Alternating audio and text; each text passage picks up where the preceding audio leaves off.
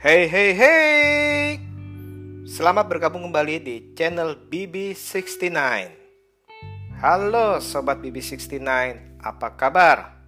Semoga Anda semua selalu sehat Selalu berpikiran positif Dan selalu semangat Dalam memasuki era the new normal ini. Nah pada episode kali ini, saya menjadi tamu dari Gugus Podcast bersama dengan Watching Movie Channel yang akan membahas mengenai sebuah film yang sangat bagus bagi kami, yaitu film The Fast of Nine. Nah, mendengarkan podcast itu paling enak itu ditemani secangkir kopi dari Detak Kopi karena kopinya itu sangat berbeda dengan kopi-kopi lain. Dan tentunya secangkir kopi itu tidak lengkap kalau tanpa ditemani oleh kue-kue atau cookies yang bisa dipesan di Ed Shirley Someday Kitchen di mana mempunyai varian yang banyak sekali dan tentunya cita rasa yang berkelas. Baik, tanpa banyak ngomong lagi, silakan menikmati podcast kami.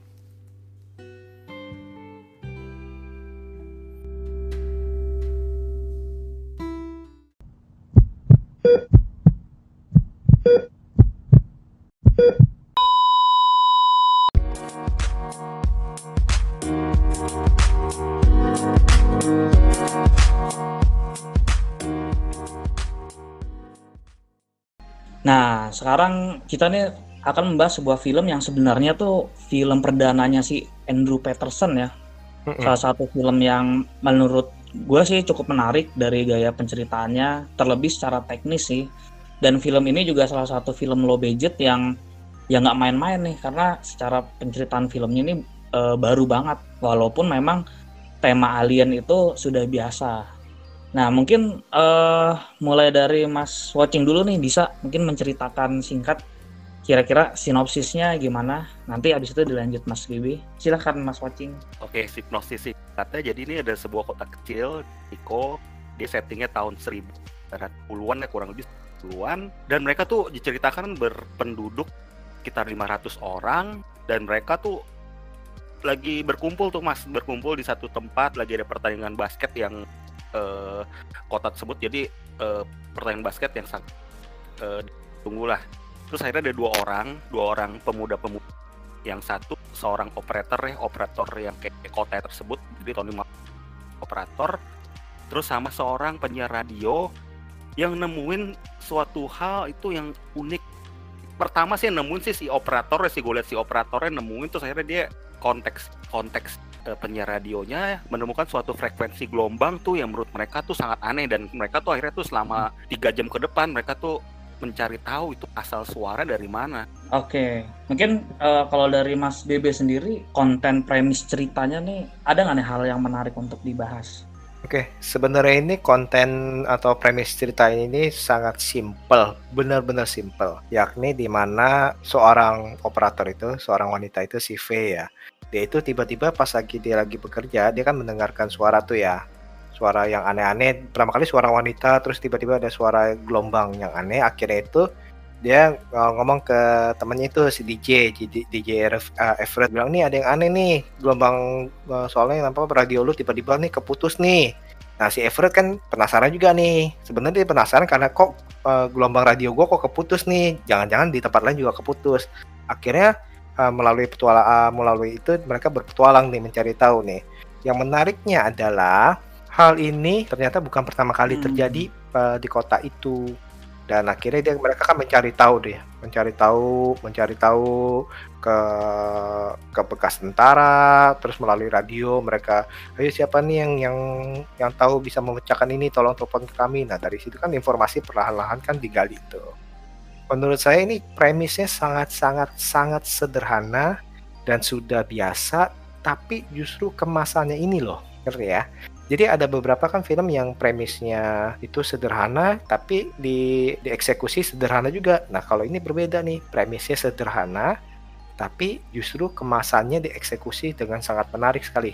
Nah ini sebelum ini Mas Watching nih, thank you nih, kita udah, oh, iya. udah di, direkomendasi okay, ya Mas Gugus ya. Iya, gue lupa sih, gue oh, uh, sebenarnya pengen istilahnya memberitahu film The Face of Night ini awal mulanya itu yang ngasih tahu nih Mas Watching. Terlebih yeah. gue sendiri udah denger reviewnya Mas Watching nih menarik banget nih film apa sih. Nah dari situlah uh, gue nonton. Mungkin Mas Bebe juga ikutan nonton ya. Betul. Pokoknya jangan jangan, jangan tertipu sama posternya. Makanya nonton terus tuh watching movie channel. itu karena akan kalau kita lihat posternya kita mikir ini ya film apa sih? Tapi kalau kita dengar kadang-kadang itu dengar review itu kita akan uh, iya. tertarik sih. Oke, terus kira-kira kalau Mas watching sendiri tuh kan yang pertama kali nih menemukan film ini kebetulan yeah. gue sama Mas Bibi kan nggak tahu nih dulu tuh tahu film ini tuh dari mana sih sebenarnya jujurnya gue taunya tuh dari salah satu reviewer juga di luar tuh mas mm -hmm. dia namanya Ax the Watcher ya Ax Watcher mm -hmm. reviewer asal India gue liat wah dia gue liat dia sering kasih nilai review 1 sampai lima gue dia, dia kasih nilai empat setengah dari lima. Biasa dia gue liat pelit-pelit ngasihnya tuh mas. Kadang dua kadang tiga setengah kadang tiga setengah. Gue liat gue empat. Nih gue lihat judulnya gue nggak tahu judul gue nggak tahu tuh. Terus gue hmm. iseng-iseng gue gue gue gue lihat review dia panjang banget tuh. Wah film menarik nih pasti. Terus gue lihat iseng-iseng gue lihat hmm. Metacritics mas. Gue lihat Metacritics film itu. Gila itu film ternyata di Metacritics juga 11 12 sama si orang ini jadi kan orang itu bisa pelit kan ngasih itu kan bintang ya. ngasih ya. nilai lah hmm. iya di di Metacritic ini sekarang sih udah 34 yang review yang topnya tuh. Hmm. Waktu gue lihat tuh 29 itu 29 29-nya tuh kasih kritik yang positif. Kan Metacritic dibagi tiga kan masih ada yang positif, average sama yang jelek kan. Hmm.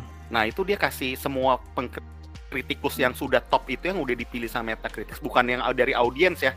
Yang dari Metacritic tuh 29 29-nya tuh kasih nilai yang positif semuanya. Yeah kalau Metacritic itu memang dia rekomendasi skornya tuh dari review ya dia ya. Hmm. Reviewer yang dipilih dia mas yang yang bener-bener yang uh, surat kabar hmm. surat kabar ya, yang Iya dari ini. Nah, karena kan kalau gua lihat sih memang gue juga baru tahu oh ada film ini karena kan pertama tuh dia distribusi penyebarannya film ini kan pertama indie terus dia dari Amazon ya. Iya, biasanya kita kalau uh, kalau nonton film kayak gitu kan biasanya dari Netflix tuh kita taunya kan biasanya update-nya hmm jarang dari Amazon kan terus kalau di IMDb skornya mediocre aja gitu 6,7 gitu 6, tapi ternyata di uh, tapi ternyata di Rotten hmm. skornya tinggi ya dan gue mau tambahin Mas Gugus gue kan hmm. main review kan nah. pas podcast kan ada sekitar udah ada hampir 30 film ya 30 uh. film ini nggak tahu kenapa pas gue mau review ini kan gue nonton malam tuh hmm. Paginya gue mau review by podcast biasa gue seperti itu itu gue sampai butuh dua hari mas. Gagal oh, terus gue untuk review film ini dua hari gue serius. Biasa yeah. gue gue kepikiran konten apa gue langsung gue tuangkan di kata-kata. Biasa bisa tuh ini gue butuh dua hari entah kenapa. Hmm. akhirnya gue nonton juga akhirnya tiga dua kali. Nah itu setelah gue setelah gue nonton itu gue tahu kenapa, tuh jawabannya kenapa tuh watching Kenapa? Gak tahu Kenapa Terus tahu gak kenapa? Ini kejadiannya persis di dalam peristiwa di dalam film itu yang di saat di mobil tuh. Jadi pas watching saking seriusnya pakai earphone dia itu mendengarkan suara-suara yang berulang-ulang dan jadi akhirnya dia terhipnotis. jadi blank dia seperti itu. Hati-hati lu. Seperti di, di film itu. Podcast ini kayaknya dalam hati gua kayak kalau ada kalimat yang salah langsung spoiler jatuhnya gitu loh. Kayak cerita ini kayak Iya, iya. gak dikit pun langsung spoiler. Jadi harus gue kan biasa nggak mau spoiler tuh. Jadi ngerangkai kata-katanya tuh supaya nggak spoiler agak susah nih. Gue jujur nih waktu waktu mau review. Tapi menurut gue ya, ya makanya nih hati-hati asal jangan di mobil aja nih. Nanti kalau di mobil tiba-tiba ini melongok ngeblank gitu ngeblank. Mobil apa nih maksudnya? Mobil gimana? Kalau di film kan ada. Hah? Oh, pembahasannya itu. Nggak nangkep sih, watching nggak nangkep. Kagak, apa namanya kan ada tuh satu peristiwa di mobil tiba-tiba yang nyupir ngeblank. Oh iya, mampus lu, mampus itu serem banget. Nah, itu mungkin uh, mungkin itu yang terjadi Mas watching nih, dia dengerin iya, dengan serius pakai ya. pakai earphone yang ngeblank beneran. dan dan ini Mas Mas Be, Mas Gugus sama Mas Bebe ini suaranya kalau kan kemarin gua nonton ini pakai earphone ya Oh iya Berasa itu gak kiri kanan kanal kiri yeah. kanan ini film main banget. Oh, Berasa gak? Nah, ini gue mau cerita nih nanti. Berasa nih. gak mas? Ini pengalaman yang menakjubkan sih menurut gue. mas? Suaranya benar-benar bagus kan film ini ya? Iya, kiri jadi kanannya main. Jadi gitu. kemarin, uh, kemarin tuh gue tuh nonton ini kebetulan kan malam-malam. Ya. Nah, gue nggak mau gangguin orang di rumah, jadi gue nggak pakai speaker, maksudnya speaker kenceng gitu kan. Jadi gue pakai Pakai headset handphone. gitu, pakai earphone. Gue pakai malah gue pakai headphone yang nggak udah udah lama gue nggak gue pakai karena gue rasa rusak. Cuman pas gue tes ah, kayaknya masih bagus nih. Entah kenapa apa headphonenya apa filmnya yang 3D sound, menurut gue wah kok bagus banget itu ya. Kiri ke kanan kiri kanan Iya, soundnya, jadi berasa banget. Awalnya kita mikir kayak Nah, rusak ya. Apa kita error ini ya kiri kanan kita ya. Iya, cuman gue denger emang Iya, bagus bagus. banget. Ini soundnya juara sih, salah satu film dengan sound yang juara karena 3D soundnya Iya, berasa betul, banget. Betul, Mas. Experience soundnya nih berasa banget betul, sih. betul. Hmm, jadi di sangat di apa sangat disarankan mereka yang mungkin nih daripada ah, maksudnya mungkin kalau nggak punya terlalu punya home theater ya pakai istilahnya bisa ditonton pakai headphone malah bukan earphone pakai Oh pakai iya, headphone oh, yang yang headphone nutup juga tuh, sih, nutup ah. kuping tuh nah itu Pakai jauh headphone. lebih berasa tuh. Mas itu jauh lebih Mas BB jauh lebih berasa nontonnya sih nih pakai headphone apa speaker biasa? pakai headphone pakai headphone. Mas Hmm. Gugus kayak film ini Ah. juga kayaknya emang kita harus agak konsen nonton film ini ya ber- bener gak? Oh iya, sekali nonton sebenarnya agak-agak bingung Awalnya sih. kayak agak bingung kalau kita konsen tuh Sebenarnya kenapa bingung karena kerangkaian Apa ya? ceritanya mas kalau menurut gua karena dialog dialognya agak agak banyak gitu sih. Dialognya agak-agak cepet sedikit banyak tuh berbeda dari dialog-dialog film biasanya sih menurut terus gua. dialognya cepet nggak tahu ya karena gua ngerasanya gitu dialognya cepat ya salah satunya Ya, karena kan itu. radio kan penyiar radio kan isinya gambarannya Mm-mm. ya radio sudah biasa. Terus habis itu mungkin kalau mereka belum terbiasa dengan tipe-tipe Twilight Zone, nah itu mungkin akan agak-agak uh, berasa gimana atau X-File. Nah ini sih kalau misalkan kalau mereka udah terbiasa nonton Twilight Zone terutama ya, ini benar-benar aura ya ini berasa sih Twilight Zone sih menurut saya. Jadi misalkan mereka udah sering nonton Twilight Zone, nggak nggak akan Hmm. saya nggak akan berasa asing sih dengan film. anyway kalau nggak salah bahkan proses pembuatan film ini juga kayaknya di area pembuatannya Twilight Zone juga nih kalau nggak salah loh ya kayaknya ini di area yang sama gitu suasananya dapat Hmm. banget sih tuh malamnya Mas. dia, Hmm. dia mencekamnya tuh bikin kita mencekam tuh pakai pakai cara yang berbeda atau enggak Nah, kira-kira nih kita lanjut ke ke next pertanyaan. Nah, sebelumnya mungkin gue mau tahu ya tadi eh, salah satu yang gue dapat mungkin buat para pendengar yang mau nonton film ini disarankan pakai headset karena dia emang 3D soundnya dapat banget dan memang 3D experience-nya ini bagus gitu walaupun ini sekali lagi filmnya sebenarnya film low budget. Nah, sebelum kita masuk ke pembahasan selanjutnya nih, gue mau nyebutin dulu berapa pemainnya ya. Pemainnya itu yang menjadi tokoh eh, anak jadi yang main apa namanya pakai board yang kayak megang telepon itu scoreboard ya kalau nggak salah itu namanya Faye Crocker itu tokohnya Faye Crocker diperankan oleh Sierra McCormick kemudian salah seorang apa namanya penyiar radio profesional yang sudah terkenal di WOWT ya iya talk radio Nah WoW. itu ah, ah, itu oleh Everett Sloan, tokohnya itu Everett Sloan diperankan oleh Jack Horowitz. Itu. Nah dua tokoh WOTW, WOTW ya bolak-balik nih belibet. WOT, Nah terus, nah mereka berdua ini yang menjadi tokoh utama sepanjang film yang membawa film ini yang menjadi salah satu film science fiction alien sebenarnya science fiction antar galaksi lah gitu tapi dengan gaya penceritaan yang yang unik lah kayak gitu. Nah sekarang nih mungkin keunikan-keunikan apa sih experience apa yang kalian berdua dapetin nih dari Mas Bebe dulu nih kira-kira Keunikannya itu bisa kita lihat itu pas awal sejak awal film, di mana seolah-olah ini kita dibawa seperti menonton Oh, ke iya. televisi. Kemudian kita di zoom, kita masuk ke televisi tersebut, kita seolah-olah menonton sejarah dekat dari televisi tersebut. Tapi ternyata tiba-tiba televisi tersebut menjadi bagian dari yang kita tonton. Nah dari situ tuh kita kita diajak berpikir juga sebenarnya itu kita apakah kita menonton film yang sedang di setel di dalam film Hmm. ini, ngerti ya? Nanti terus ada juga tuh adegan di mana uh, di zoom out lagi tuh, jadi eh, istilahnya dibawa ke televisi lagi tuh yang pas dia lagi kejar-kejaran tuh. Nah itu ada juga tuh, nah itu cukup unik sih. Nah itu awal tuh, itu yang pertama. Yang kedua itu Ya tadi itu dari dia itu membawa suasana tahun 50-an itu Iya, tahun cukup 57 cukup unik sih ya. Tahun 50-an itu cukup unik dan istilahnya menggambarkannya itu orang-orang sekitarnya juga menurut saya sih cukup menggambarkan pada saat itu tuh. Oke, kalau dari Mas Pocing gimana nih? Apa experience apa yang dapetin dan keunikan-keunikan apa yang ada di dalam film The Face of Night Unikannya sih yang Mas Bebe bilang itu bener tuh. Mereka kan seolah-olah kita diajak nonton televisi gitu. Nonton televisi, dia namanya kan Theater of Paradox ya. Paradox. Terus kan ada beberapa Hmm. tiap kali setengah jam atau 20 menit kan ditampilin lagi tuh TV-nya lagi tuh ada gambar seperti kan. Jadi seolah-olah kita bener experience kita nonton TV tapi tiba di zoom ke dalam suatu bagian adegan seolah-olah jadi kita berasa itu mas berasa tuh kita tuh deket jarak deket gitu loh kita sebagai nonton tuh kalau gue berasa tuh kayak teknik pengambilan kameranya. Mas tuh perhatiin nggak teknik pengambilan kameranya tuh kita kan kayak sembarangan. Kayak seolah-olah tuh kayak kameramennya tuh kayak nggak profesional gitu loh. Kayak ngambil yang gue bilang di podcast gue ya. Jadi dia teknik pengambilan kameranya tuh seolah-olah tuh kayak kejar-kejaran. Ada beberapa adegan tuh banyak kejar-kejaran. Terus ada adegan yang long shoot ngambil dari jarak jauh.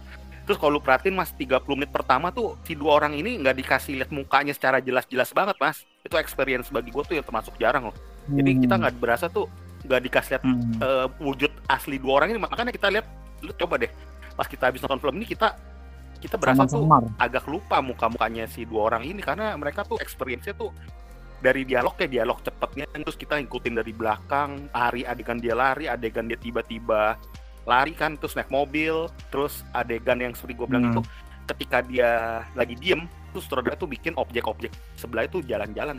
Kayak misalnya dia lagi di depan tuh waktu di depan stadion. Ketika dia ngobrol diem itu banyak orang ngomong-ngomong. Jadi kesannya kita fokusnya ke mana nih? Ada ada ada teman penonton masuk kan lagi pada ngobrol kan.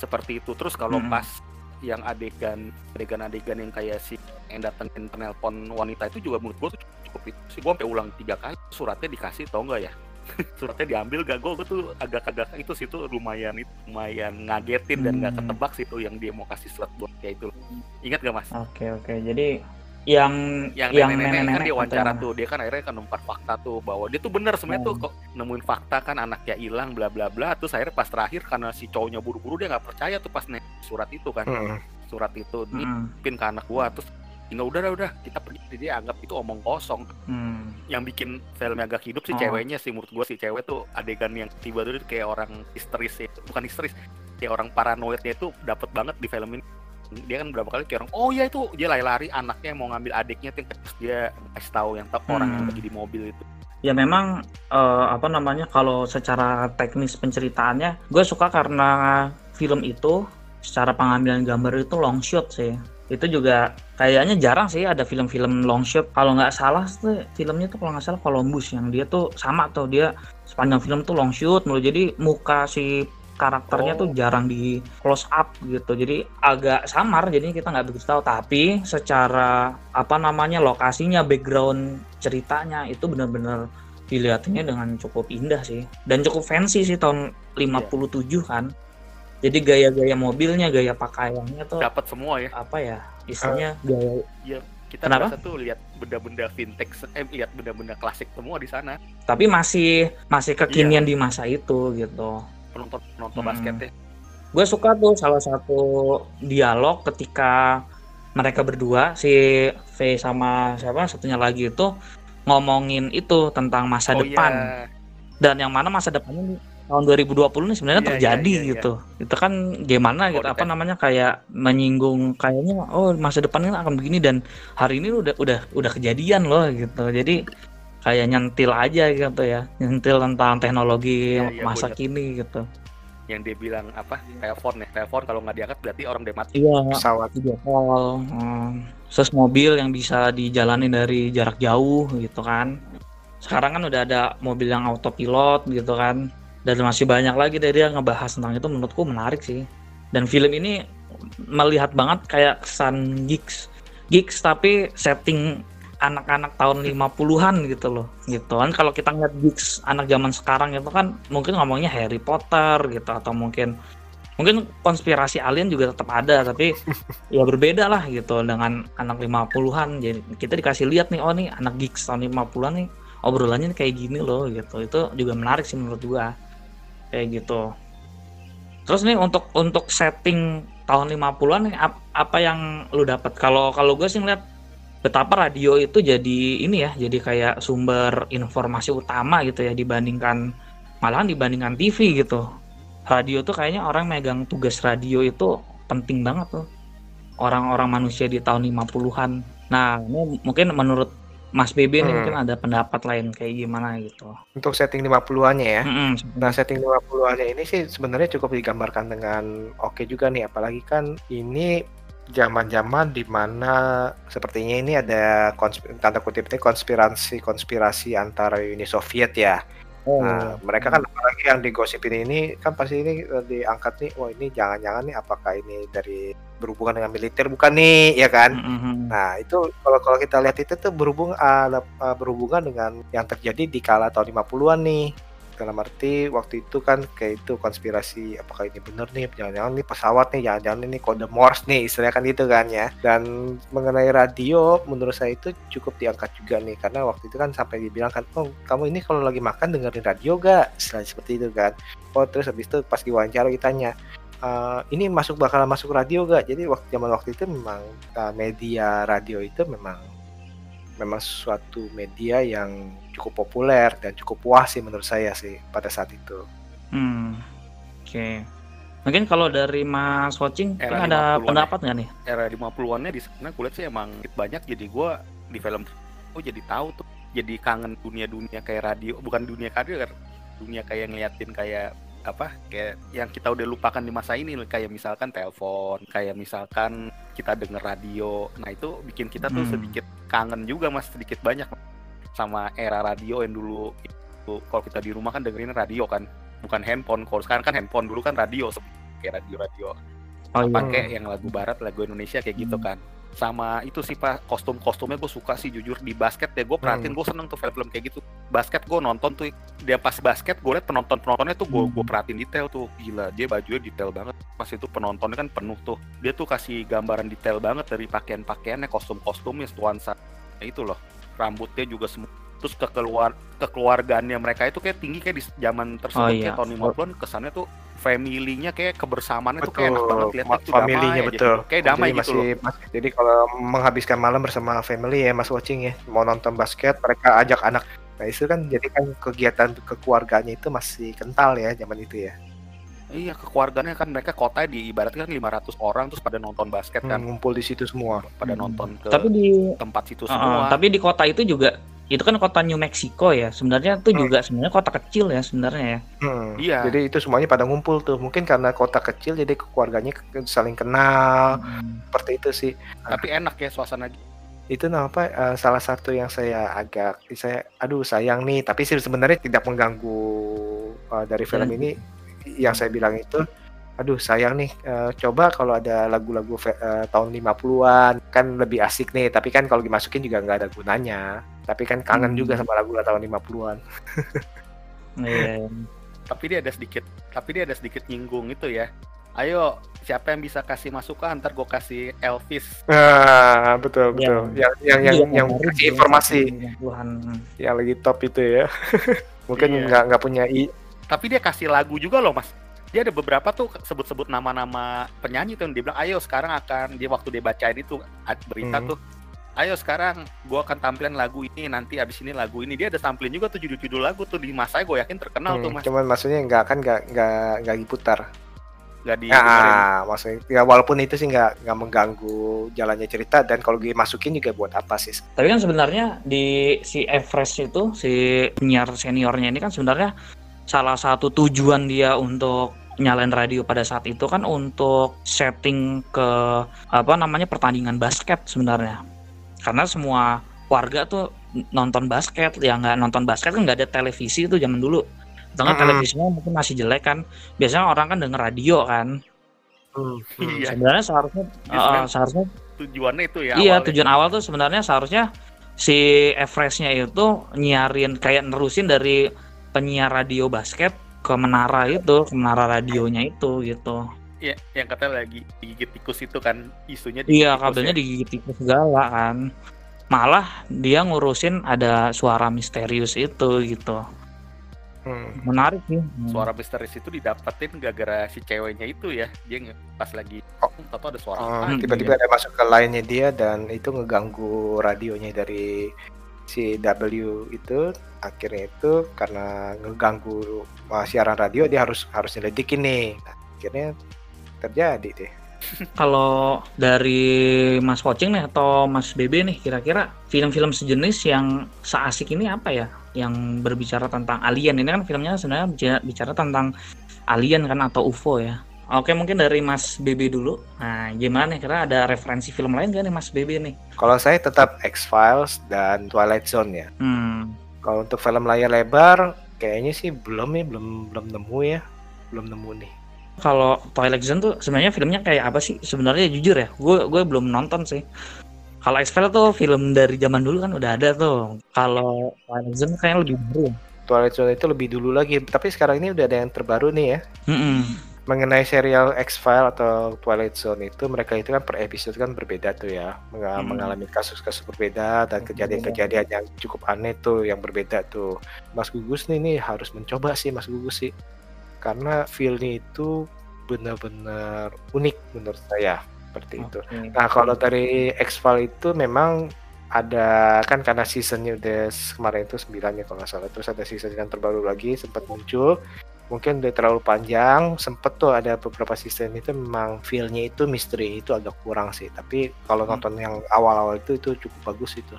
Karena kita akan dibawa nih sebenarnya ini alien atau hmm. atau apa atau hmm. orang cuman orang dengan DNA yang berbeda penyakit penyakit seperti itu. Tapi itu filmnya sangat sangat bagus sih. Itu harus di, uh, saya rekomendasikan tuh untuk ditonton. Hmm. karena kalau gue lihat kayaknya film Face of Mike ini kayak istilahnya hormat banget tuh sama uh, Twilight Zone itu nah kalau dari Mas Watchingnya sendiri ada nggak kira referensi film atau series yang menggambarkan tentang alien gitu komut gua Arrival ya. Oh, Arrival, ya ya. Sama satu lagi filmnya si Man in Black sih ya. Menurut gua agak Man in Black yang awal-awal ya. Hmm tapi dikemasnya dengan gaya anak muda gitu loh. Iya iya iya iya. Soalnya kalau main in sedikit sedikit tuh, tuh. Ibaratnya mungkin main in black 3 tuh yang pas dia ke masa lalu. Nah, hmm. iya iya. Menarik sih. Masih awal-awal dia tuh yang masih Tommy Lee Jones tuh ada yang mirip tuh gue lihat. Hmm. Tapi suasana malamnya mas su suasana malamnya suasana hmm. apanya ya perjalan-jalan itu gue ngingetin gue film Midnight in Paris sebenarnya. Oh, malam Midnight in Paris. Kenapa tuh? Karena suasananya, suasananya loh. Itu kan Midnight in Paris juga kan lumayan itu juga kan dia ketemu ketemu orang-orang ya. Cuma kan memang kalau ya, Kalis kan ke masa lalu kan dia. Iya ke masa lalu. Tapi gaya malamnya itu sama dia cara dia jalan-jalannya itu tuh jalan-jalan dia ngobrol ketemu orang ketemu orang tuh mirip tim Paris juga. Oke. Okay. Kalau Rival tuh bagus tuh untuk dibahas juga karena bagus, uh, bagus. menarik juga tuh Alien. Dia dari Dennis Villeneuve ya. Mana nih cara bacanya? ini film film yang gue tunggu-tunggu nih sebenarnya tahun tahun itu Dennis dia pengen bikin film Dun kalau nggak salah. Tapi memang kalau ini kan alien yang ingin berkomunikasi sebenarnya. Kalau di filmnya Face of Night kan nggak dilihatin tuh sebenarnya ini ada alien nggak sih gitu. Tapi kalau di film Arrival nih udah jelas ada alien. Nah, tapi pertanyaannya alien ini mau ngapain gitu. Sebenarnya lebih ke situ sih. Tapi itu tapi di Face of Night Mas ya terakhir itu Mas menurut Mas ngeri gak Mas mau lihat kayak pas dia nengok ke atas itu menurut Mas momen itu termasuk ngeri gak mas? Menurut gua ngeri juga. Hmm. Menurut gua tuh lumayan ngeri karena kita awal dikasih kecil dulu tuh mas yang sebelah sini tuh. Katanya ada biangnya. Iya gak? ada biang yang atau di tengahnya. Berasa gak mas? Iya.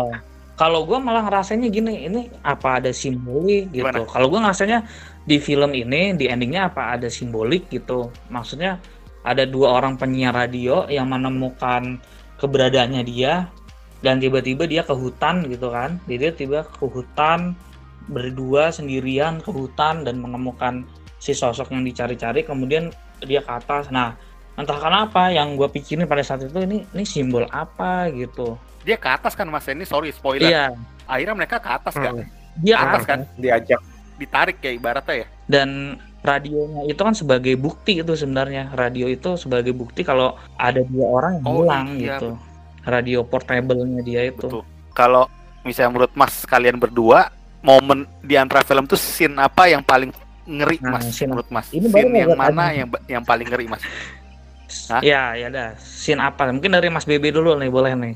Yang paling ngeri, yang paling ngeri ya menurut menurut gue yeah. yang iya. pas dia masuk ke rumah orang tua itu sih relatif. Sebenarnya nggak ngiri, maksudnya dalam mesti agak mencekam. Soalnya kita mau tahu nih, ini kan uh, kita tahu nih dia ini uh, ada sesuatu nih dengan si ibu ini kan, si nenek ini kan. Nah menurut gue sih di situ sih, oh. itu sih walaupun ya, nanti selanjutnya ada yang hal-hal yang menegangkan tapi justru gue lebih berfokus itu karena kita tahu nih uh, udah tadi udah dekat awal tengah menjelang akhir nih ternyata nih kuncinya ini di sini nih jadi benar-benar perhatikan benar-benar harus perhatikan dengan baik itu sih kalau saya sih hmm, kalau gue sih yang itu yang ketika di mobil, mobil.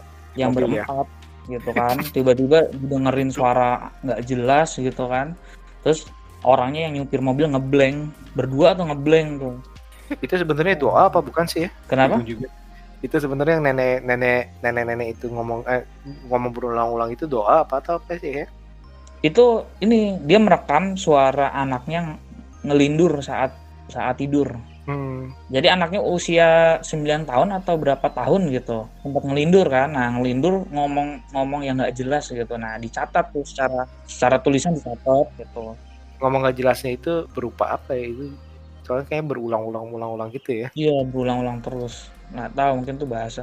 Cuma kan memang konspirasinya kan uh, alien itu punya apa namanya ya? Jadi kayak dia tuh menghipnotis gitu. Sama seperti di film ada itu salah satu film yang di mana kalau kita ngelihat alien tuh kita terhipnotis buat naik ke atas. Mungkin mirip tuh menurut juga tuh. Filmnya siapa? West yang baru tuh uh, Skyland. Iya itu kan kalau dia alien itu digambarin kan suka menghipnotis kan. Nah ini mungkin kalau dari Mas watching kira-kira scene terbaik atau scene yang berkesan dari film Face of Neck apa nih? Yang memorable ya, ya Mas ya. Memorable menurut gue sih yang paling memorable tuh selama dia pas udah menit ke 10 sampai menit ke 20 mas pas mereka jalan ngobrol itu mas itu paling sih paling gue inget sih. Hmm.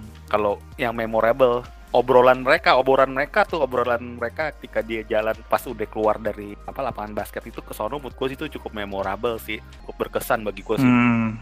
Kalau adegan yang paling serem gabungan antara kalian mas, hmm. gabungan Mas Bebe sama Mas Gugus bilang ke, rumah nenek pas apalagi pas neneknya bangun tuh mas, kan awal ditampun dari samping hmm. tuh mas, dari samping muka itu. Hmm. Ada sekali yang terakhir-terakhir tuh di depan tuh kayak melotot gitu, uh juga tuh scary juga tuh. Hmm yang dia bangun tuh yang dia agak emosi hmm. ngomong itu. Terus menur menurut lo kalau related ya film ini pasti film fiksi ya, film fiksi science fiction. Tapi menurut lo ada nggak sih kira-kira sebuah related gitu, related dengan in real life? Sebenarnya apa? kenapa sih film ini dibuat gitu? Nah, maksud pertanyaan lu apakah kami percaya alien apa enggak gitu? nah ini di sini nih gua gua mau memberikan suatu berita nih. Tuh jadi pada tahun 40-an itu di New Mexico juga tapi namanya di Roswell. Mm-hmm. gitu. Roswell. di Roswell ya. Itu ada yang menangkap bahkan tuh banyak orang menangkap tuh piring terbang gitu. UFO kemudian uh, seorang pembawa acara radio Midnight in the Desert mengklaim memiliki sebuah dokumen penting dari US tentang ya si UFO-nya itu gitu. Dan pada saat itu di tahun 40-an itu dikatakan kalau Amerika ini menyembunyikan kejadian piring terbang yang ada di Roswell kayak gitu. Tahun 2015 kalau nggak salah ya, Amerika itu ngebuka gitu, ngebuka fakta kalau memang ada semacam uh, eh, UFO gitu. Kemudian ada nih tahun 2019 film ini pun muncul. Nah, kalau menurut sendiri gimana? Percaya alien nggak? Kalau kita lihat kayaknya sih bisa jadi ada sih Mas ya. Related sih bener yang kayak Mas ceritain tuh sutradara yang mungkin kejadian yang kayak di Tico tuh yang di kota Roswell mm -hmm. itu ya. Sama kejadian sekarang kayaknya emang alien itu kan emang kalau orang bilang kayak Bigfoot kan, kayak Bigfoot itu kan kayak Yeti kan antara percaya atau enggak ya, tapi buktinya tuh lebih buktinya lebih mengarah ke itu sih kayaknya kita harus percaya. Hmm. Dan di film ini emang skala mm, ngepasin di New Mexico lagi kan dekat-dekatnya Roswell gitu kalau Mas BB sendiri gimana nih? Percaya nggak sih sebenarnya ada alien? Kalau saya pribadi sih kenapa tidak? Karena dalam arti kan tata surya galaksi kan itu kan sudah cukup luas nih. Belum hmm. lagi kan kalau Milky Way kan itu kan hanya hanya aja. Lebih ke sana lagi gimana? Terus habis itu kan kita bisa lihat nih beberapa peninggalan-peninggalan dari dunia-dunia kuno, baik itu Inka maupun dari macam-macam dari Mesir yang sebenarnya itu tanda tanya nih kok bisa ataupun gambar-gambar nih gambar-gambar peninggalan-peninggalan dari tua maksudnya dalam arti ukiran-ukiran kok kayak ini ada bentuk-bentuk orang yang gak jelas istilah seperti itu kan ya mungkin aja itu dulu bahkan mungkin sebelum Roswell mungkin dulu dulu dulu dulu itu yang yang kerajaan-kerajaan terhilang mungkin sudah hmm. pernah mampir kali ke ke dunia. Hmm. Nah, ini ada beberapa trivia nih yang bisa kita apa namanya jabarkan di film ini ya. Uh, kalau mungkin kalau kalau dari saya sendiri kan di situ ada radio stationnya itu namanya WOTW kan. Itu sebenarnya kepanjangannya War of the Worlds. Itu War of the Worlds itu oh Oke. Okay. Uh, uh, Word of the Words itu itu uh, menghormati seseorang yang namanya Wells gitu. Wells itu kayak novelis yang bikin uh, Time Machine, War of the Words. Mungkin termasuk uh, tentang alien gitu. Uh, bahkan di Invisible Man yang baru kemarin tayang tuh itu juga dari novelnya dia gitu. Inspirasinya dari H.G. Wells ini. Apa mungkin film Face Face of Night tuh dia menghormati sosoknya dia gitu karena kan filmnya tentang science fiction kan dan terus kalau gue baca sih nih kalau dari fakta-faktanya film ini sebenarnya banyak banget ditolak dari film eh, film-film festival gitu. Bayangin ya. Wah ini berapa berapa banyak nih? Ini kalau saya baca nih listnya ini banyak banget. Mulai dari Sundance Film Festival, SXSW Film Festival, Tribeca Film Festival, semuanya tuh pada nolak dia. Ba kemudian ada yang nerima film ini gitu, yaitu Slamdance Film Festival yang tayang premier pada Januari 25 Januari tahun 2019 kayak gitu. Yang sebenarnya ternyata filmnya tuh bagus gitu bagaimana film yang bagus itu Sayang. bisa ditolak gitu ya di banyak film festival ya? Mungkin dalam arti kan kadang-kadang kan mereka kan punya kriteria atau dalam misalnya pada saat ini mereka lebih tanda kutip lebih uh, lebih cenderung ke tipenya apa kayak kadang-kadang kalau festival-festival gitu ya nggak bisa nggak bisa dipungkiri dikit jauh itu tergantung dari tren saat itu ya itu sih kalau menurut hmm. gue sih lewati atau bagi mereka ya seperti yang kita bilang nih tadi nih di IMDb aja ternyata itu tidak sewah dari Rotten Tomato atau Metacritic kan dan itu memang nggak bisa kita nggak bisa kita pungkirin bahwa perbedaan pendapat itu sih kalau menurut saya sih itu hal biasa sih justru hmm. justru karena ditolak itu akhirnya orang jadi melihat jadi ini malah jadi itu justru jadi orang orang akan menjadi itu positif sih sebenarnya. Eh lu tahu gak ini ini filmnya udah ditolak di festival sebenarnya bagus banget. Ah masa sih? Penasaran dong ngerti gak malah rame kali ya. Malah rame malah rame. Menurut hmm. itu kalau menurut saya maksudnya kalau dibandingkan oh ini oh ini udah di ini. Tapi ini ada orang yang memuji sebuah film atau bahkan dari mulut ke mulut itu akhirnya banyak yang nonton dan memuji. Jadi orang penasaran kok bisa ya? Tadinya kayak kayak Gugus bilang kok bisa ya ditolak ya itu malah jadi satu daya tarik sih menurut gue sih. Dan mereka akan menonton dengan serius pasti nih. Apa sih yang orang-orang bilang bagus tapi kok ditolak nih? Kenapa nih? Nah itu sih. Oke. Okay. terus mungkin ada fakta yang menarik sih yang bisa dibaca nih. Ternyata eh, kotanya yang ada di film ini kan namanya Kayuga ya. Kayuga itu Kayuga. Uh, uh, Kayuga itu dipinjam dari uh, Kayuga Production, satu perusahaan produksi yang menghasilkan film The Twilight Zone gitu. Jadi sebenarnya Cayuga itu tidak ada di New Mexico. Jadi semacam uh, kota fiktif gitu. Mungkin banyak sekali sih sebenarnya tentang setting-setting tahun 50-an yang dibikin sedemikian rupa oleh sang sutradara untuk membuat setting tersebut kayak gitu. Dan masih banyak lagi. Ini film yang kita harus berikan applause nih ya. Ini para para di balik layarnya pak. Para menurut aku pak jagonya tuh mereka nih orang-orang yang di balik layar ini pak. Sutradara sutranya kameranya penulis sound editing. editor suaranya. Hmm. itu menurut gue nih rangkai film yang kita anggap pemerannya biasa-biasa ya tapi jadi film itu. Jadi kita nih kalau orang bilang kalau kayak ibaratnya ini adalah benar-benar nih teamworknya ini benar-benar jalan banget yang orang-orang layar ya pak. Jadi benar-benar nih kualitas bukan karena kualitas acting menurut gue nih jadi kita lihat film kualitas orang-orang yang di bagian produksinya, menurut gua terutama sutradaranya kali ini ya. si Stephen Patterson. Hmm. Karena pesannya filmnya juga kalau di, kita sampai lupa lo film ini kan kayaknya kan tuh selama perjalanan nggak ada jeda lo mas dua jam kayak ibaratnya satu setengah jam tuh seolah-olah tuh Yes, kayak gi- dibikin tuh ya selama pertandingan itu pertandingan basket itu berjalan sampai pertandingan basketnya selesai Hmm. kan Mm-mm. betul betul. Sepanjang malam. itu yang kita nggak sepanjang malam ya nggak dijeda-jeda ibaratnya Hmm. Terus ada satu adegan yang kita banyak adegan-adegan di film ini mas yang menurutku nggak bisa banyak yang kita nggak tebak. Kayak waktu si penyiarnya tuh nyoba-nyobain itu pengen cari rekamannya atau gak sampai 8 kali gue hitungin mas. Oh, 8 kali ini kaset yang diubah-ubah gitu. iya. Iya. Dalam hati pas kita nonton wah kedua pasti udah nih atau ketiga. Eh sampai ke 8 kali lu di lu. Iya. lihat gak mas? Iya, ingat gua. gila kan? Sambil ngobrol lah gitu, sambil si Everest-nya kan ngobrol sama si V kan. iya itu termasuk kejutan mas termasuk kejutan juga tuh dalam suatu Hmm. film bisa 8 kali mas nyobainnya mas Hmm.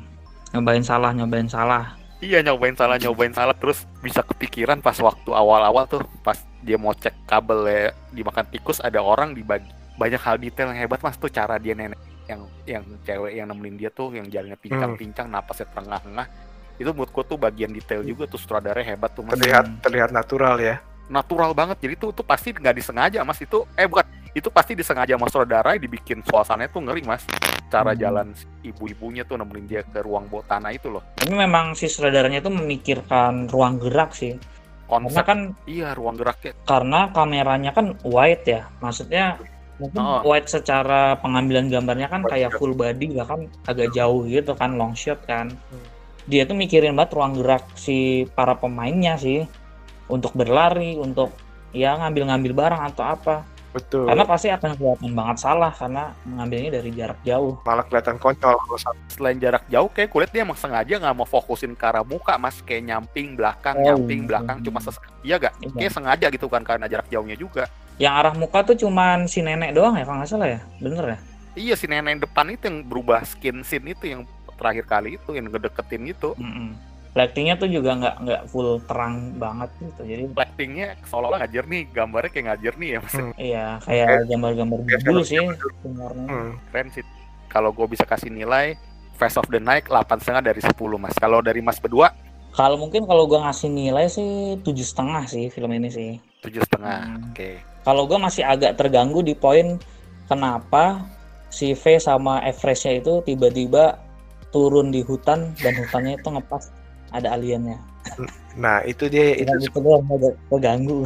Itu sebenarnya ironisnya sih menurut gue sih dalam arti dikala dia ingin menyelamatkan diri ya, menjauhkan diri Malah ketemu. malah ketemu tapi orang-orang yang mereka ingin selamatkan malah aman-aman aja ngerti ya Oh iya ya. mereka itu sih sebenarnya ya, malah mengorbankan diri sendiri. oh di situ mas ya? Malah sih mas pikirnya gitu ya? Kenapa ironinya dia tiba-tiba kalau gue pribadi seperti itu kesannya itu justru wah, mereka kan berkesannya itu mereka berusaha untuk menyelamatkan sebuah kota tapi sebenarnya mereka nggak tahu tuh mereka adalah yang tanda kutip yang terpilih tanda kutip ya.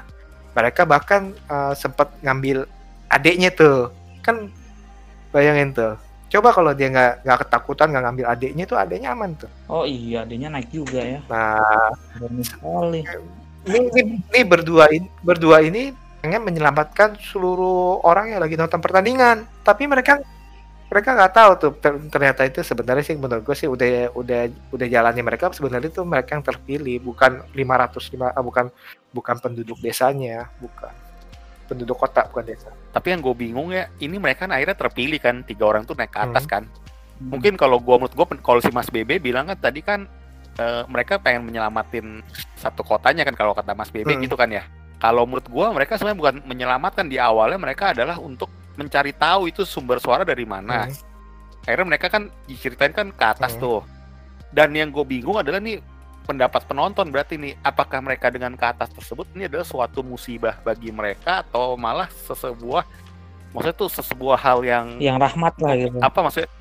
Iya rahmat ya yang menurut mas gimana tuh mas? Gue bingung tuh itu. Kalau kayak gitu mah nggak nggak bisa bilang rahmat atau enggak seperti itu karena kan ya kita nggak nggak bisa bilang.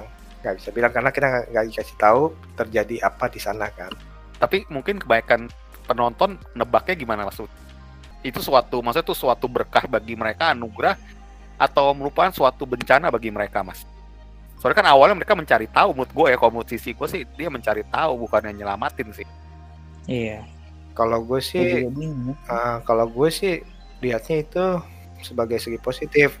Si, sebagai sebagai segi positif, yang pertama nyelamat setidaknya itu mereka bertiga menggantikan lima ya, penduduk kota tersebut. Yang kedua itu mereka mencari dari tadi itu mencari, mencari, mencari, mencari ya sekarang akhirnya menemukan. Dan gue sih ngeliat ngeliatnya seperti itu sih. Kalau gue lebih ke anugerah berarti kalau gitu. Anugerah ya? Karena dia mendapatkan jawaban atas yes. apa yang dia cari sih. Betul, dibandingkan dengan nenek yang tadi itu seumur hidup dia stres. Anak gue hilang nih, lu nggak percaya istilahnya. Tapi tapi kalau gue baca mas ya, yang si nenek stres itu dia kenapa dia akhirnya nggak bisa ketemu anaknya atau dia nggak bisa diangkat karena dia dia kan dikasih kunci itu pesannya sama si sutradara dia nggak bisa jalan mas kunci aja dia sampai harus suruh orang bukain oh, iya. pintu kan dia akhirnya tapi bisa jadi emang karena dia stres aja gitu nggak mau jalan keluar ketakutan gitu bahwa dunia itu nggak aman gitu nah soalnya lu lihat tuh kayak dia terus apa yang tentara istilahnya itu yang yang bekas tentara ya yang nelpon tuh ya nah, mm -hmm. itu kan hidup dalam dalam ketakutan dalam nggak percaya orang-orang nggak percaya sama gue nih gini-gini. Nah tapi sedangkan kalau kalau yang tiga yang dua orang ini kan mereka menemukan jawaban dan udah gitu. Bukannya menemukan jawaban terus habis itu mereka harus membuktikan orang-orang nganggap mereka gila. Kalau menurut gue sih gitu. Tapi itu juga mas yang gue tangkap di film ini mereka tuh kayak pesannya mas ya. Sutradara itu pesannya itu ke penonton pengen bilang tuh UFO itu sebenarnya tuh baik maksudnya tuh mereka tuh cari kota tuh kota yang sepi kan. Cari kota hmm. yang berpenduduk uh, gak banyak orang. Terus mereka tuh sengaja kalau orang lagi rame mereka tuh datengin kota-kota itu yang sepi kan. Mereka tuh pemalu jadi dianggapnya tuh UFO itu kayak pemalu gitu mas. Iya gak mas? Iya sih memang. Pesannya. Pesannya tuh jadi UFO bukan dia gambarin tuh yang jahat gitu. Kalau itu sih ini netral sih kalau menurut gue lihat. Cuman lebih ke proses uh, si UFO-nya itu mengangkat orang tuh sebenarnya mencari orang-orang kesepian gitu. Tapi kalau untuk dalam artian uh, bad or good itu ya netral. Salah satunya kita harus nonton Arrival tuh menurut gua tuh. Betul. Oh. Kalau di Arrival tuh ada ada ada kayak kesimpulannya gitu. Ini datangnya karena apa nih? Kalau di Face of Night tuh menurut gua nggak ada itunya, nggak ada kiri kanannya gitu mau baik atau enggak enggak nggak ada gitu tipe-tipenya uh, kalau tipe-tipe dari yang Face of Time itu adalah masalah pencarian.